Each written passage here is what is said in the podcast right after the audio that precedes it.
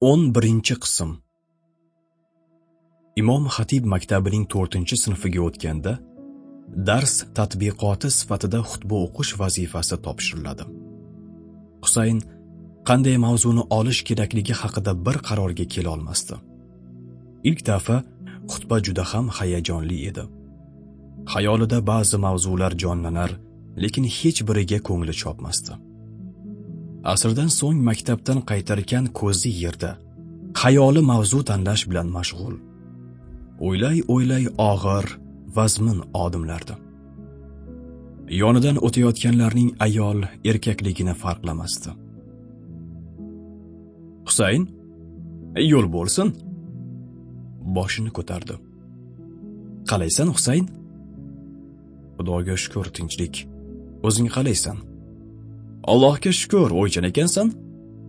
Shukur yaxshi yomonmas olloh yaxshilikdan ayirmasin. Omin ajrashdilar. Ora sira ko'rishib turadigan samimiy do'sti. Yurishda davom etdi. Eski o'ychanlik tarqalib ketdi. Bugun chorshanba. Cho'rim bozori qizg'in. Yo'llar odatdagidan ko'ra tiqilinch. Yaqin qishloqlardan kelganlar endi ketmoqchiligini ma'lum qilganday magazinlari oldiga qo'ygan yuklarni hozirlashmoqda.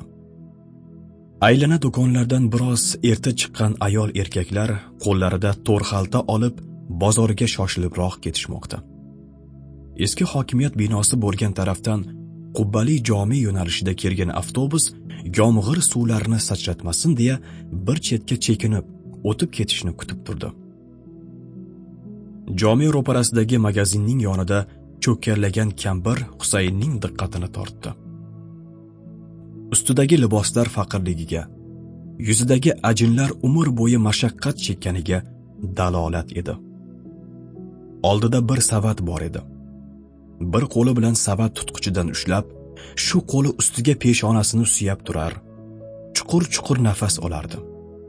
Oldidan o'tgan avtobus sachratgan suvlari bezovta qilmas yoxud chekinmoqqa toqati va majoli yo'q edi.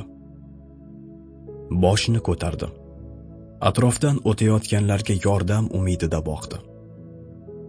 Shu orada oldidan o'tayotgan ochiq sochiq xotin uni turtib chetga itardi va yo'lida davom etdi. Uch qadamcha yurib yana qaytdi. Sumkasidan hamyonini olib undan kampiriga pul uzatdi. Bu payt husayn ham ularga uch to'rt qadamcha yaqinlashib qolgandi. Momo avval qo'liga tushgan pulga so'ng uni bergan ayolga qaradi. Pulni qaytardi. Tilanish uchun o'tirganim yo'q charchadim dedi. Pokiza insonlarga yarashadigan muomala edi bu. Tilanadigan ahvolga tushmaguncha bu yo'l bilan qorin to'ydirishni munosib ko'rmaslik doim ham uchraydigan fazilat emas. Bu pul olinsa ne bo'lardi? Bergan ham olgan ham zarar qilmasdi ammo mendan muhtojroqlar bordir deya zirqiragan vijdonga nima deymiz? Ko'cha boshlarida o'tirib kelgan ketganiga qo'l ochganlarni kechgacha eshikma eshik kezganlarni o'yladi husayn. Bu odamlar o'rtahol hunarmand yoki do'kondorni ortda qoldiradigan pulni qo'lga kiritishmoqda. Hatto bular orasida bozorma bozor kezadiganlari ham bor. Bir necha kun burun bir baqqol bitta tilanchini dushanba kuni majidozuda seshanba kuni singurluda chorshanba kuni ko'hna surgunda payshanba kuni olachada juma kuni cho'rimda ko'rganini aytgandi. Bunday mablag' tikish talab qilinmaydigan san'atni kim ham sevmaydi? Sarmoya yo'q soliq to'lash yo'q bo'sh turgan qo'lni Alloh sevmaydi deya eshikdan eshikka sang'ib do'kondan do'konga izg'ir va bir ikkita duoni ming'irlashdan iboratmi bu san'at? Bunday tilanchilikning qanday qiyinchiligi bor? Xo'sh toptalgan or nomus yo'qotilgan odob va iffat tuyg'usiga nima deysiz? Bularning hech qanday qadri yo'qmi? Yo'q aslo yo'q. Uyatning ko'chalariga allaqachonlardan buyon qadam bosmagan.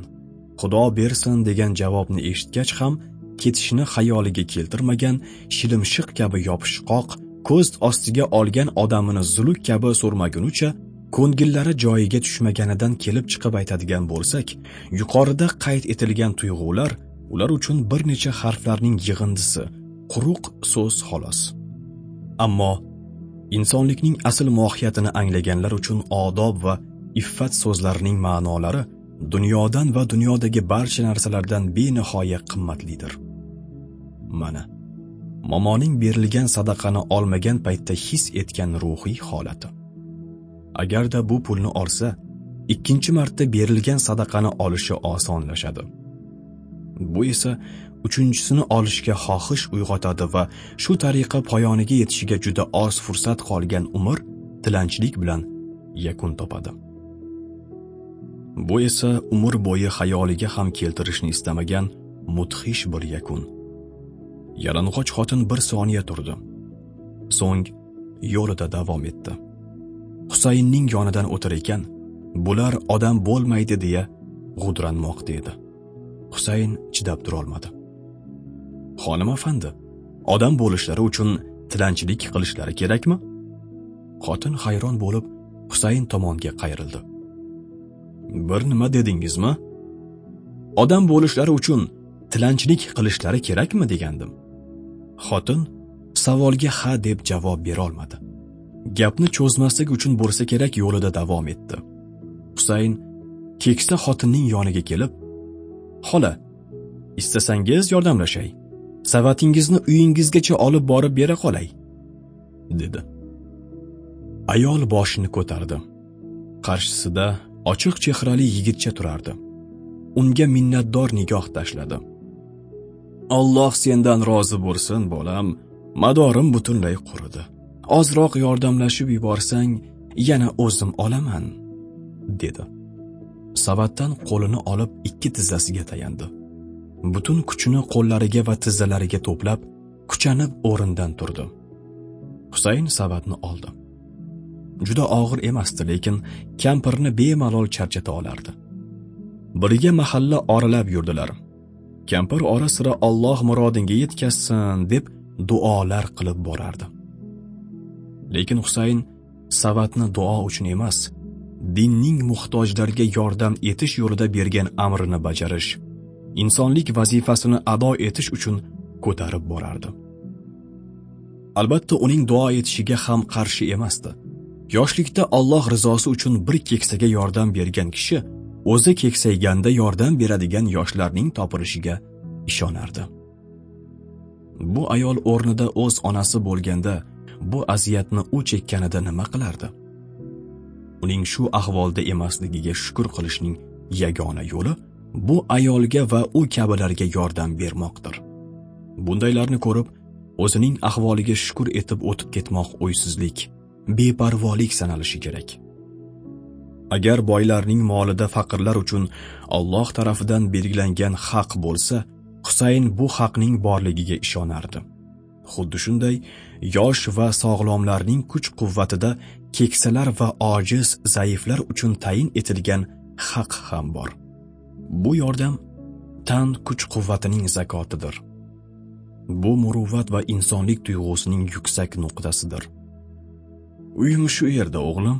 Alloh sendan rozi bo'lsin. Bu so'z Husaynning xayolini bo'ldi. Savatni eshik oldiga qo'ydi. Eshikning turishi uyning xarobligidan xabar berardi. O'g'lim sening oting nima? Kimlardansan? Nima qilasiz xola? Bir yo'lim tushsa uyingizga kirib sendan ko'rgan yaxshiligimni onangga aytardim. Shart emas xola. Men onam eshitishi uchun emas Alloh rizosi uchun yordamlashdim. Onamni xursand etishni istasangiz haq yo'ldan ayirmasligi uchun duo qiling. Husayn ketdi. Eshikdan ichkari kirgan momoning ko'zlari yoshli edi. Bu yoshning sababi o'zining kuchi yetganda boshqalarga yordam etolmaganlik pushaymonidan edi. Boshqa birov bu yoshlarning sababini yaxshilik qilishni sevadigan bir insonni uchratganidan paydo bo'lgan tuyg'ular tufayli deb tushunishi mumkin. Hech tanimagan bir bola yukini ko'tarib keltirib bergani va o'z nevarasidan bunday oliyjanoblik ko'rmagani nazarga olinsa insoniylikdan uzoq bo'lmagan nevaradan haqorat ko'rishi og'ir so'zlar eshitishi katta ona o'rniga sassiq kampir deya baqirishi o'zining shu ahvolga rozi bo'lib shukur etishi hisobga olinsa ikkinchi qarashni oldinga surganni haqli deyish ham bemalol mumkin. Husayn keksa ayoldan ajrashgach uyga keldi. Ko'z oldida kechgan va ikki ayolning bahsi yaxshilik va yomonlik kurashiga o'xshagan bu hodisani o'ylamasdan bo'lmasdi. Uyimda bir haftaga yetgulik yeguligim bor deb berganni olmaslik buyuk fazilatdan darak bo'lsa kerak.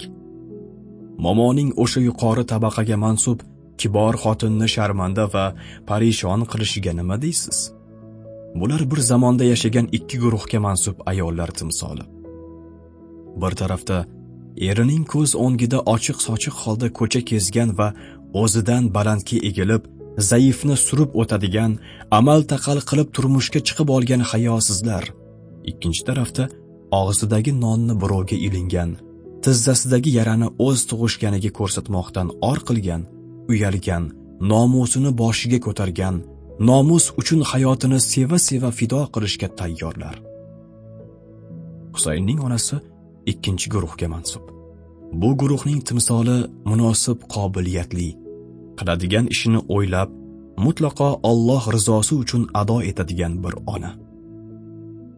Bu yil 16 ga kirgan Husayn shu choqqacha tasodifan bo'lsin onasini boshi ochiq yoki yalang'och holda ko'rgani yo'q. Husayn onasiga shohidi bo'lgan hodisani aytib bergach so'zini shunday tugatdi. Mening onam onajonim bilsangiz sizni shunday yaxshi ko'ramanki mening yonimda go'yo bir begona borday doim o'ranib yopinib yurasiz. O'ranishimni mendan chekinish deb o'ylaysanmi? Onalar o'g'illaridan chekinib o'ranmaslar men ham sendan chekinmasman. Seni nomahram sanasam kimim qolur mening bu dunyoda? Sen bo'lmagan paytlarda odila va samihaning yonida ham shu holda bo'laman. Ular oldida ham boshim o'rog'lik yuraman. Yolg'iz qolganimda ham shu holdaman. U payt kimdan qochib o'rinasiz? Bil o'zing bil kimdanligini. Fotimaxonim husaynga yoshligida dugonalariga bergan javobni aytdi. Shu qadar samimiy so'zlagani 10 yillardan keyin ham tasdiq bo'ldi. Husayn bu yil 4 sinfda. 10 kundan keyin keladigan jumaga xutba o'qish uchun tayyorlanish topshirilganini aytgach qaysi mavzuni tanlasam ona? dedi. Hozirgina aytganlaring go'zal mavzularku o'g'lim. Bularning boshi moda. Moda haqida tayyorlan. Haqiqatan go'zal mavzu topilgandi. O'n kundan so'ng juma namozi uchun minoralardan taralgan azon sassi mo'minlarning juma ekanini unutmasliklarini ta'min etarkan uyning bir burchida joynamoz ustida butun borlig'i bilan yaratganga yuzlanib o'g'li o'qiydigan xutbada yanglishmasligini shu xutba sababli yo'llaridan adashganlar yana haq yo'lga va o'zlariga kelishlarini duolar qilgan bir o'gay ona bor edi. Yillar davomida qat'iy iroda tuganmas sabr va o'gay emas haqiqiy ona mehri bilan bag'riga bosgan yetimini endi jon jonidan va chin ko'ngildan duo etardi. Oradan kechgan 11 yil vaqt uni et bilan tirnoqday bolalarga bog'lab qo'ydi. Ularning o'gayligini deyarli unutdi. Endi Alloh madadini tilagan gul yuzli farzandiga menga oxiratda shafqatchi shafoatchi bo'ladi degan ezgu umid bilan boqar unga onalik muhabbati bilan bir navbatda alohida ma'naviy mehr ham qo'ygandi. Birozdan so'ng o'g'lidan xabar kelishi kerak. Tongda har kungiday alohida bir hayajon bilan yo'lga chiqararkan qo'lini o'pgan bolasini Alloh madadkor bo'lsin. Gunohkor onangni ham duo qilishni unutma o'g'lim deb kuzatdi. Jome liq to'lgan. Odilbek o'g'lini ko'rib hayajonlanmaslik uchun ustun orqasida yashiringanday bo'lib o'tiribdi. Bir zamonlar erdolbekning so'zlariga ishonib va aldanib imom xatib maktabiga berishni istamagan o'g'li to'rt yillik tahsil mevasini ko'rsatishi otasi uni aynan shu maktabga bergani uchun mamnun etishi kerak. Juma kuniga maxsus azon aytib bo'linganda minbarda sekin oyoqqa turgan o'g'lini ko'rishi bilan ko'zlarida paydo bo'lgan ikki tomchi yoshni artishni lozim topmadi. Xalq shunday 16 17 yoshlilar o'qigan xutbaga odatlandi. Necha yilki endi din ilmini unutay deganida bahor chechagiday yigitlarni tinglash zavqu hayajonini tota boshladi. Xutbaning arabcha qismini yoddan o'qigan va turkcha qismiga kelgan husaynning ovozi sekin sekin ko'tarila boshladi. Ko'zlaridan yoshlari sizilib vijdonlari oldida tillari qisiq boshlari ham bo'lganlarning boshlari ko'kslariga tag'in ham enib borardi. Turkcha qismini siz hurmatli o'quvchilar bilan birga tinglamoqni ravo ko'rdik. Muhtaram musulmonlar xutbamiz moda haqida. Bu millatni moda balosi mahv etgan. Moda atalmish bexosiyat odatlar keltirgan baloyu gunoh dunyo va oxiratda bizga yetib ortib ham qolur. Oilamiz islom odatlari bilan idora etilgan odamlarimiz Allohdan qo'rqqan millatimizga otalarimizning odatu an'analari hokim bo'lgan zamonlarda rohatda edik. Har sohada yo'limiz ochiq edi. Bugun yo'llarimiz emas ayollarimiz ochiq. Islom odatlariga emas ingliz fransuz va boshqalarning odatlariga rasulullohning amrlariga emas Avropadagi kimligi noma'lum qandaydir axloqsizlikning xohishiga bo'ysunamiz. Ayni o'rinda payg'ambarimizning bir hadisi sharifini naql etish joiz. Marhamat qiladilarki, kim qaysi qavmga taqlid qilsa, o'shalardandir. Agar Rasulullohning amrlariga, modaga ahamiyat berganimiz kabi munosabatda bo'lganimizda edi, ko'plab pokiza va haqiqiy musulmon kishilar yetishardi. Agar modaga ketgan isrof faqiru fuqaroga xarjlansa, necha bag'ri yaraga malham, qancha ko'ngli yarimga xursandchilik bo'lardi. Yilda bir necha bor o'zgaradigan modaga sarflangan xarajatlarning hisobi yo'q. Bu yil oq libos kiyiladi deyildimi? Tamom, amr amirdir. Kuchi yetgan yetmaganning ustida oq libos bo'lishi shart. Bu yil oyoq kiyimlarning tovoni bir qarich bo'larmish, liboslarning etagi tizzasidan bir qarich yuqori chiqarmish, sochlar falon shaklga kirarmish deyilgandan so'ng past poshnali oyoq kiyim, etagi tizzani, oyoqni bekitadigan libos qidirib ko'ringchi. Modaga berilgani uchun o'zini maymunday turli ko'rinishga solgan qanchalab kishilarning aslida uyida yeyishga tuzuq, quruq taomi yo'q. Lekin biz ularni emas, modani boshlab beradigan boylarni aybdor deb bilamiz. Ilgari vaqtlarda to'yga keta turib, faqirlar o'ksinmasin deya ziynatlarini taqmagan, havaslanib, ko'ngli tushmasin, og'rinmasin, xarajatga qiynalmasin deb hashamdor kiyinmagan oliy janob insonlar bo'lgan ekan. Endi esa o'zidan boshqani o'ylamaydigan, barcha fazilati cho'ntagidagi puldangina iborat bo'lgan boylarimiz bor. Bugun har to'y uchun alohida kiyim tiktirmasa uyaladigan 15-20 bosh kiyimni kam deydigan ayollarimiz mavjud. Bundaylarga Rasulullohning qizida faqat bir bosh libos bo'lganini eslating.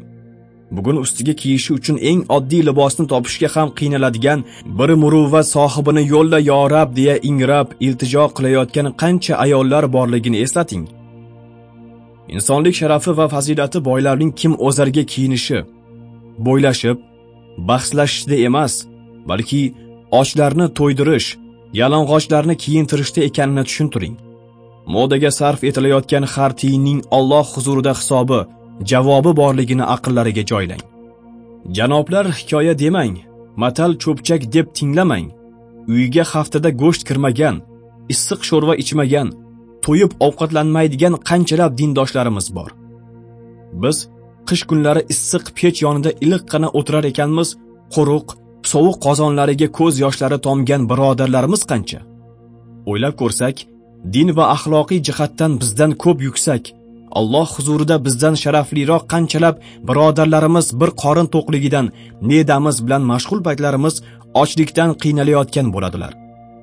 Muhtaram musulmonlar, bilamizki, shunday boylarimiz borki, kunda yuzlab lira foyda ko'radilar. Har kun go'sht yog' va asalga bo'kadilar. Tag'in hech narsaga erishmaganidan huzur topmaganidan bir millionni ikki millionga chiqmaganidan shikoyat qilishadi. Bundaylardan muruvvat kutmaymiz. Faqat boy xotinlarning tirnoq bo'yog'iga xarjaganicha pul topish uchun eshikma eshik yurib odamlarning kirlarini yuvishga majbur bo'layotganlarini unutmaylik. Ayrilishni istamaganimiz bu dunyodan yolg'iz kafan bilan birga ayrilar ekanmiz. Yonimizdan yaxshiliklarimiz ibodatlarimizgina joy olishini oxiratda bizga yeganlarimiz emas yedirganlarimiz kiyganlarimiz emas kiydirganlarimiz foyda keltirishni unutmaylik. Modomiki el eshigida tilanchi emas ekanmiz bunga shukrona o'laroq un o'tin topolmagan holni birovga arz etolmaganlarni yo'qlamasak yordam bermasak Allohning so'roqlariga qanday javob beramiz? Ertaga qilgan isroflarimizning gunohlari qarshisida ter to'kib pushaymon bo'lmasdan burun o'zimizga kelaylik. Bu xil qashshoqlikning va isrofgarchilikning oldini olaylik. Husayn xutbasini bitirganda kishilarning ko'nglida uyg'ongan to'lqinlanish yuraklarni to'ldirgan hayajon tuyg'ulari bu xutbaning odamlarga juda yoqqanidan darak berardi. Ammo xutba tinglovchilarga yoqish uchungina emas xalqqa ta'sir etish ularni to'g'ri yo'lga boshlash uchun o'qildi. Shu sababli xutbaning ta'sirini o'sha kungi tilga tushish odilbekni do'koniga kelib tabriklab ketgan hish do'stu aqraboning e'tibori bilangina o'lchamoq to'g'ri bo'lmasa kerak. Bundan keyin yonida yarim yalang'och qizini yoki nabirasini tartibga chaqiradiganlar bo'ldimi yoki bo'ladimi? Xotinini bezatilgan molda yotoq kiyimida namoyishga chiqargan erkaklar bu kimlarga taqlid ekanini tushunib tushuntiradimi? Bu chirkin harakatlarga barham beriladimi? Yuzlaridagi or va nomus hissini chaplangan bo'yoqlar hamda upa eliklar yo'q qilib yubormaydimi? Davron yana eski davronligicha qolaversa u kun uchun ko'zlardan tomgan ikki tomchi yosh bilan ikki tomchi suvning farqi qolarmikan jomening imomi uni tabrikladi. Bir oqsoqol nuroniy chol quchoqlab ko'zlaridan o'pdi. Jomedan chiqar ekan husaynning oyoq kiyimini qo'yarda qo'ymay to'g'irlagan 18 yoshli yigitning samimiyatichi? Men o'qiy olmadim. Hech bo'lmasa bitta o'qiganning oyoq kiyimini to'g'irlash savobidan mahrum bo'lishni istamayman. Bu o'spirinni husayn tanimaydi. Ammo fotima xonim uni uzoqdan bo'lsa-da ko'rganda edi. Ismoilning yosh chehrasi g'amgin nigohi uning ko'z o'ngida namoyon bo'lardi. Ha bu yosh yigit o'sha ismoil edi. Qarshisidagi o'zidan ikki yosh kichik husayn bir zamonlar har yegan tayog'idan so'ng ko'zlarini silab artgan fotima opasining o'gay o'g'li ekanini bilarmikan? Husayn bu samimiy azamat yigitga ham o'z onasi fotima xonim mehr shafqat ko'rsatganini seza olarmikan? Hatto fotima xonimdan ko'rgan mehriga shu yigit sabab bo'lganini kashf etishga imkon bormikan